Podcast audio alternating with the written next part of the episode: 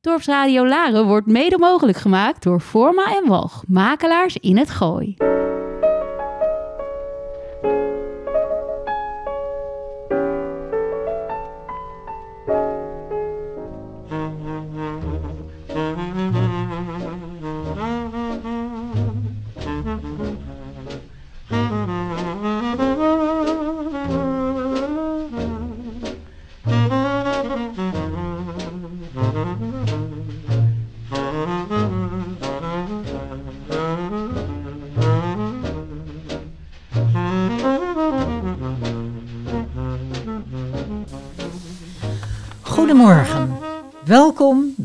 Praatvogels, aflevering 8.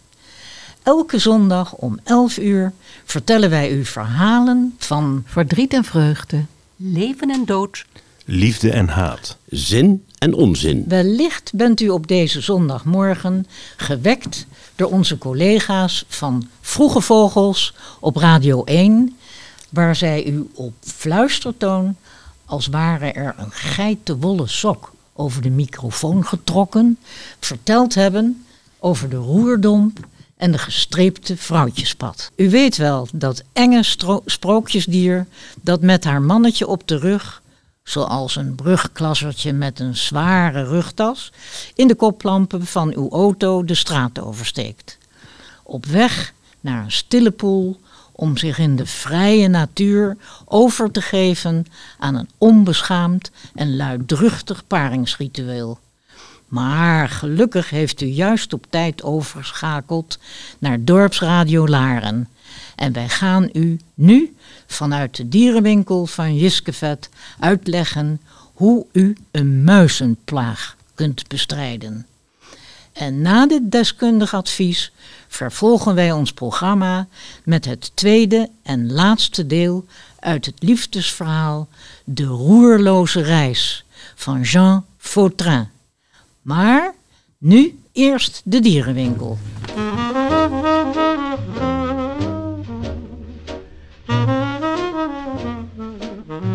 Een muizenplaag. Naar een verhaal van Jiske Vet. We zien de deur van de dierenwinkel. De klant komt binnen. Goedemiddag. Goedemiddag. De klant loopt naar de toonbank en op de toonbank zit de verkoper bovenop een kartonnen doos. Oh, kom ik ongelegen? Nog twee dagen broeden. En dan kan ik naar verwachting nieuw leven in de winkel verwelkomen. Nieuw leven? Ik heb vanochtend net het laatste exemplaar van het wijfje van de Argentijnse ponchovogel verkocht. Ja, maar wie zal nu de eieren uitbroeden? Oh, een echte ponchovogel? Daarvoor zal die klant wel behoorlijk diep in de buidel hebben moeten tasten. Nou, Dat is waarachtig. Het broedgebied van de ponchovogel strekt zich uit van de uitlopers van het Andesgebergte tot aan de pampas van Patagonië. Een volwassen exemplaar heeft bovendien een spanwijdte waar elke vogelliefhebber u tegen zegt. De verkoper stapt van de toonbank en bergt de doos op in het rek. Eieren voor zijn geld kiezen, zeggen ze wel eens. Maar in het onderhavige geval gaat die vlieger niet op. En wie mag zich de gelukkige bezitter van de zo zeldzame ponchovogel noemen? Mm, Een klant van lichte zeden en tevens een goede bekende van de politie. In het nachtleven van deze stad gebeuren soms dingen met ponchovogels die het daglicht niet kunnen velen. Maar aangezien het hier om een trouwe klant gaat die bovendien goed in zijn slappe was zit, knijp ik voor één keer graag een oogje toe. Wat kan ik voor u betekenen? Ik heb met een muizenplaag te kampen. Over hoeveel muizen hebben we het hier? Vijf. Nou, dan heb ik precies wat u zoekt. De verkoper pakt een doos uit het rek en licht de deksel eraf. De klant kijkt in de doos. Dat is een poes. De gelijkenis is inderdaad treffend, maar schijn bedriegt. Wat u hier ziet is een originele Zuid-Amerikaanse bingo. Als de kat van huis is, dansen de muizen, luidt het spreekwoord. Maar daar waar de bingo eenmaal heeft huisgehouden, ligt de balzaal er doorgaans verlaten bij. De dier heeft zijn sporen in de graanschuren van het Zuid-Amerikaanse continent ruimschoots verdiend. Als u er twee neemt, zal uw muizenprobleem voorgoed tot het verleden behoren. Twee bingo's. Kan deze het karwei soms niet in zijn eentje klaren? De bingo's werken bijna altijd met z'n tweeën. De een jaagt de muizen de gang op, waar de ander ze aan het eind staat op te wachten. Ik heb geen gang. In dat geval zult u helemaal versteld staan van hun timing en samenwerking. Op een klein oppervlakte is de wendbaarheid van de bingo legendarisch. Wat gaat me dat geintje kosten? Eén bingo komt op 145 gulden.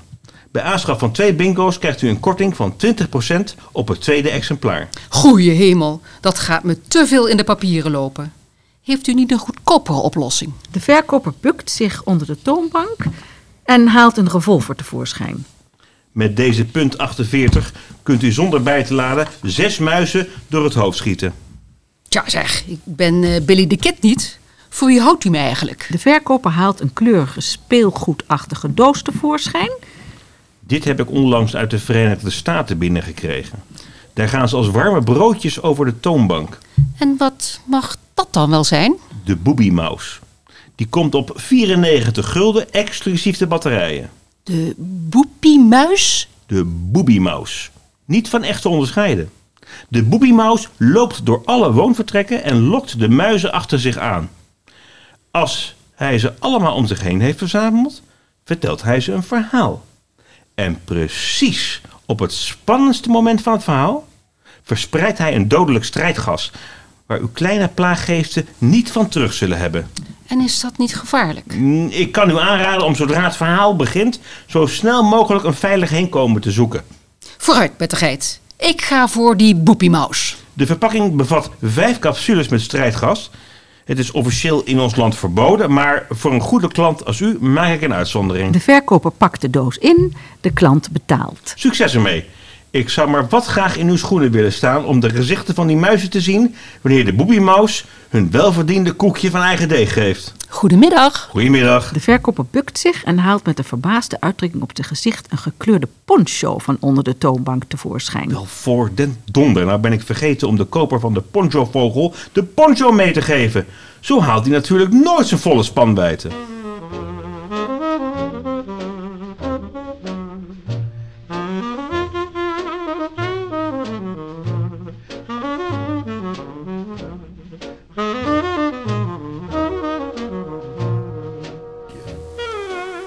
De roerloze reis, wat vooraf ging.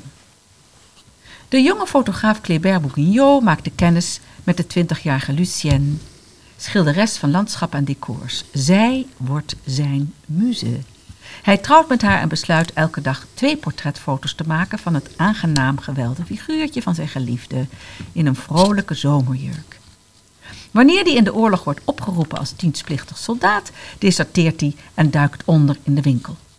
Lucienne houdt zoveel van haar man dat zij genoodzaakt is de achterdochtige gendarme Alphonse op afstand te houden door hem met haar charmes te verleiden. Ook gedurende deze spannende tijd maakt Kléber dag na dag twee portretfoto's van zijn geliefde. Wanneer er in 1943 een wapenstilstand wordt getekend, duikt Kléber weer op. De krijgsgevangenenkampen werden geopend. Kléber pro- profiteerde daarvan door weer op te duiken. Afgezien van gebombardeerde wijken was Blois weinig veranderd. De krijgsgevangenen werden ingehaald met alle aan een held verschuldigde eerbied. Kléber had er alle uiterlijke kenmerken van. Diep in zijn kelder had hij zijn baard laten staan. En toen hij zijn eerste treden in de buurt zette, bestookten de brave lieden hem met vragen over zijn kamp. En Kléber was gedwongen zich vlug een atlas aan te schaffen. En binnen 48 uur was hij in staat uit te wijden over de gebruiken van de, bu- van de boeren in de buurt. De Bourguignons concentreerden zich op hun eigen geluk. In goede en in slechte jaren oogsten ze, zoals anderen hun koren, Luciens glimlach. Lieve kind, wat er ook gebeurt, van begin januari tot oudjaar ontwikkel ik met regelmaat 730 negatieven die mijn verzameling verrijken. Geregistreerd en genummerd worden die portretten bij de anderen gevoegd, chronologisch gerangschikt, in een serie albums die op de ruggen het jaartal van hun oogst dragen. En na 40 albums heb ik 29.200 foto's in mijn bezit. Hetgeen mij, op basis van 24 beelden per seconde, een documentaire film van 10 minuten zal opleveren. Het was 1969. Hey, ik ben nou eh, 65 jaar. Afgezien van een lichte neiging tot corpulentie, Lucien, heb je jouw fluwelen tent altijd bewaard. Ik moet er 60 toegeven.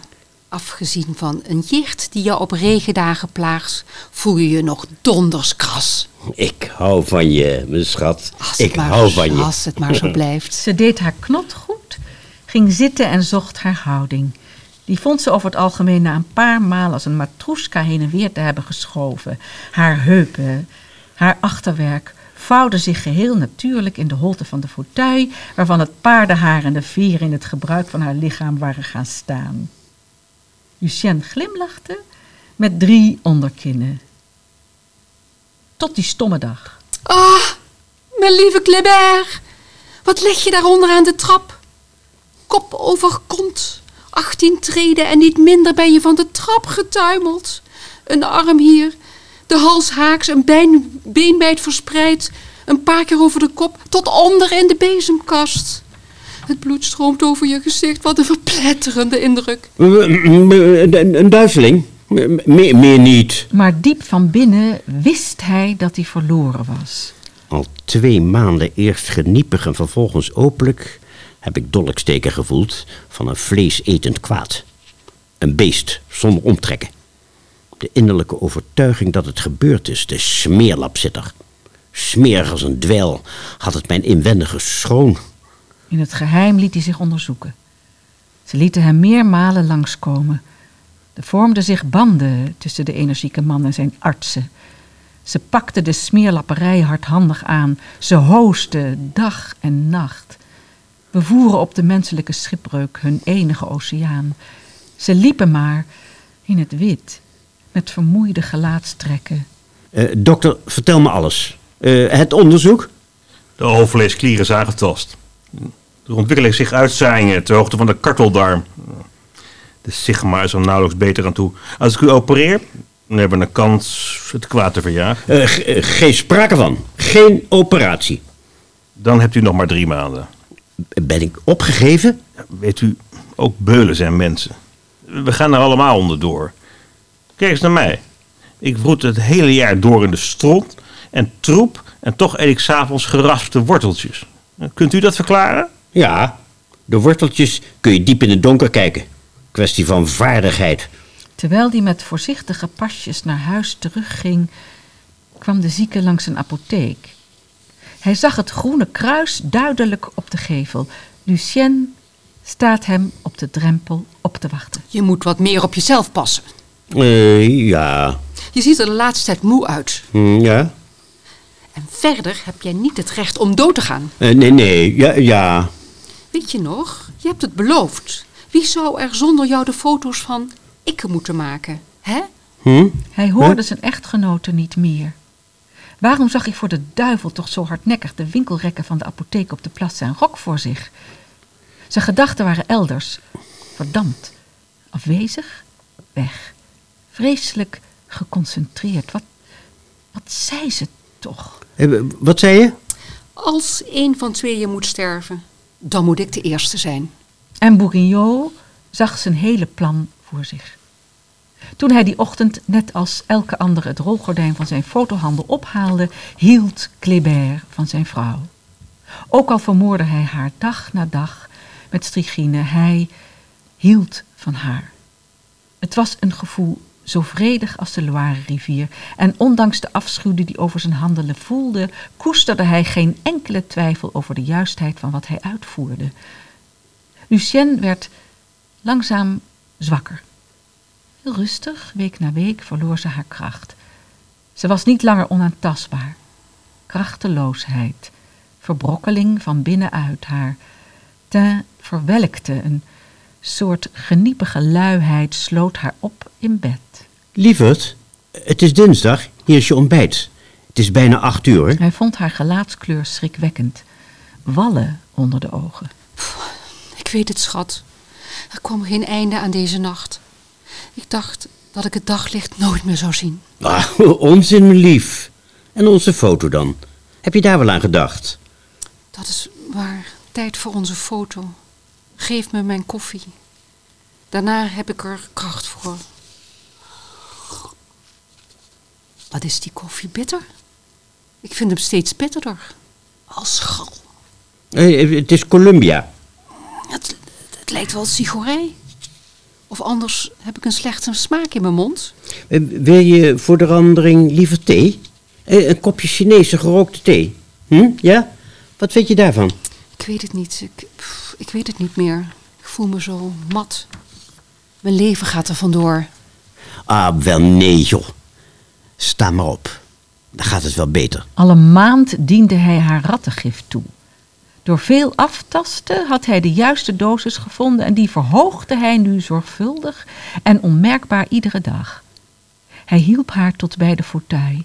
Ze was vermagerd, maar ze woog toch nog een goede 180 pond. Ze nestelde zich voor de minarette. Hou ik mijn knot niet scheef? Nee, schat. En je gezicht is mooi, al- als altijd. Het is zomer en ik heb het koud. IJskoude vingertoppen. Hij kuste haar. Haar adem stonk onverdraaglijk. Ik hou van je, Lucien. Ik hou van je. Als dat maar zo blijft. 5,6 bij 25 honderdste. Ze vond de kracht om te glimlachen. De julimaand was gunstig geweest voor de dweil. Kléber kon niet meer van de pijn. Op de kalender streepte hij de veronderstelde datum van zijn eigen dood aan, 15 september. Een rood streepje om niet te overschrijden. Eind juli bewoog Lucien zich niet meer in haar bed. Ze sprak weinig, at niets. Het bootje van haar lichaam werd steeds lichter. En ze gooide kilo na kilo ballast overboord. Ze ging er vandoor. Het was alsof haar overmatig grote ogen steeds meer afstand namen. Zich verwijderden van bijkomstigheden, van de aarde, van de spulletjes enzovoort, van even zoveel onmiskenbare nutteloosheden die zogenaamd hielpen te leven. Snoepgoed, of kersen, of perziken op wijn. Ze snoeide alles weg. Haar ogen, voortdurend versluierd door een soort staat van onverschilligheid, lichten alleen op als Kléber de kamer binnenkwam. Ach, ik bezorg je een hoop last, hè? Mijn arme man. Oh nee, echt niet, schat. Hé, hey, kijk eens wie we daar hebben. Ach, Lucien. Dokter Grandier komt je weer opzoeken. En mevrouw Bourguignon, hoe staat het ermee? Ach, ik heb geen gevoel meer in mijn rug. Ik kan me niet meer bewegen. Mijn ma maag draait zich als een handschoen binnenstebuiten. En altijd maar dat branden. Alsof ik opgestookt word. Ja, ja. En, en de eetlust? Die heb ik niet. Neemt u nog uw versterkende middelen? Ja, d- d- dat is het, alles wat ze nog binnenkrijgt. Goed, goed, goed. Ja, ja, heel goed. Ja. Verdubbelde dosis. Op een dag was Lucien niet sterk genoeg meer om op eigen kracht te bewegen. Vanaf dat moment droeg Kléber haar in zijn armen tot in de fauteuil. Maak je foto, Kléber. Maak voort. Zet mijn knot niet scheef? Nee, nee, mijn liefste. Maak je foto, Kléber. Ik heb geen pijn meer. 5,6 bij 25 honderdste. Hij drukte op de sluiter. Glimlachend stierf ze. Kléber huilde één keer. Hij deed het rolgordijn van zijn winkel naar beneden. Hij fotografeerde de overledene. Een aantal keren. Het was de 18e augustus en zo begon een vreemde periode. Het was alsof hij er niet in slaagde zich van Lucien te scheiden. Hij, hij liet haar zitten in de houding waarin ze zich bevond. Hij gaf haar overlijden niet aan. Alle albums zijn gerangschikt. Ik ben bezig om elk portret beeldje na beeldje te filmen. Ik gebruik een Beaulieu-camera. Voor elke opname hetzelfde hoek, dezelfde beeldgrootte, dezelfde belichting. De overgang van het ene gezicht naar het andere moet zo glad mogelijk zijn. Ah, en verder ben ik niet meer van plan om naar buiten te gaan. Ik heb al mijn voorzorgen genomen, conserven, diepvries, een voorraadje rijst. Voor de rest blijft vast mijn beste wapen tegen het oprukken van die dweil. Ik honger hem uit. Octopus. Om de lange monologen op te sieren met een schijn van activiteit, ging hij ongetwijfeld om toe te geven aan automatisme die van 45 jaar terug dateerde door met het dagelijks nemen van twee foto's van de doden. Luciens glimlach liet het niet afweten. Als ik met mijn filmcamera zes foto's per dag opneem, ben ik in staat Luciennes overgang naar het niets vast te leggen. En nee, eh, acht, tien, nee, twaalf dagelijkse foto's. Lucien werd naar beneden leeggezogen. Langzaam leegde haar lichaam zich van elke substantie. Het voorhoofdsbeen verscheen het eerst, gevolgd door de rechterkaak. Kléber hield de studio gesloten uit angst voor vliegen. En tegelijkertijd draaide hij de film, maakte hij nieuwe foto's en drukte hij die onmiddellijk af. Tegen het einde van de maand had hij zijn werkstuk voltooid. Lucienne had haar vlees geheel uitgetrokken. Ze was een wit geraamte hangend in haar fauteuil. Ze had een rank beendergestel. Zo, alles is gefilmd. Hij maakte een pakje van de belichte film, bond het met grote zorg dicht. Hij ging naar buiten, trad weer in het daglicht voor het eerst sinds vijf weken. Hij zond de filmrollen naar Kodak in Sévran om ze te laten ontwikkelen. Buiten kreeg hij een duizeling. Ze tilde hem op. Ze zette hem in een bakkerij. Het brood was net uit de oven en kraakte op de koperen rekken. Hier, drink een glaasje kersenlikeur. Het zal je goed doen. Doe maar, drink. Doe maar. Je moest tien dagen rekenen voordat de kostbare film terug zou zijn uit het filmlaboratorium. De projector stond klaar in de eetkamer. Als ik de afspraak met die postbode nu eens niet zou halen. Mijn lichaam, wat een nederlaag. Ik, Kléber, ouwe vogelverschrikker op sloffen. Tot op de draad versleten. Uiterste puntje bereikt. Kapot, verscheurd. Komt er nu eindelijk uit de mond van die brievenbus het pakketje waarnaar ik zo vurig verlang. Die, die 15 minuten van een heel gelukkig leven. Maar niks, rien, pas du tout. Alleen een gasrekening die ik nooit meer zal betalen. En een postordercatalogus die ik in de prullenmand gooi. Folders voor een cruise naar Amerika. Amerika? Hij herhaalde het. Amerika. Op 10 oktober stierf Kléber Bourguignot in zijn stoel. Op 11 oktober plofte het pakje door de brievenbus. In het kraftpapier bevond zich een ontwikkelde filmrol. Een technicus uit de Kodak-fabriek in Sévran, genaamd Marcel Bardinet, had er met een balpen op een groen blaadje geschreven aantekening bij gedaan. En onder het hoofd opmerkingen had hij haastig gekrabbeld. Negatief geheel versluierd. Waarschijnlijke oorzaak slechte dichting van het camerahuis. Op 30 oktober te 18 uur forceerden ze de deur van nummer 6 in de Rue des Pitoches.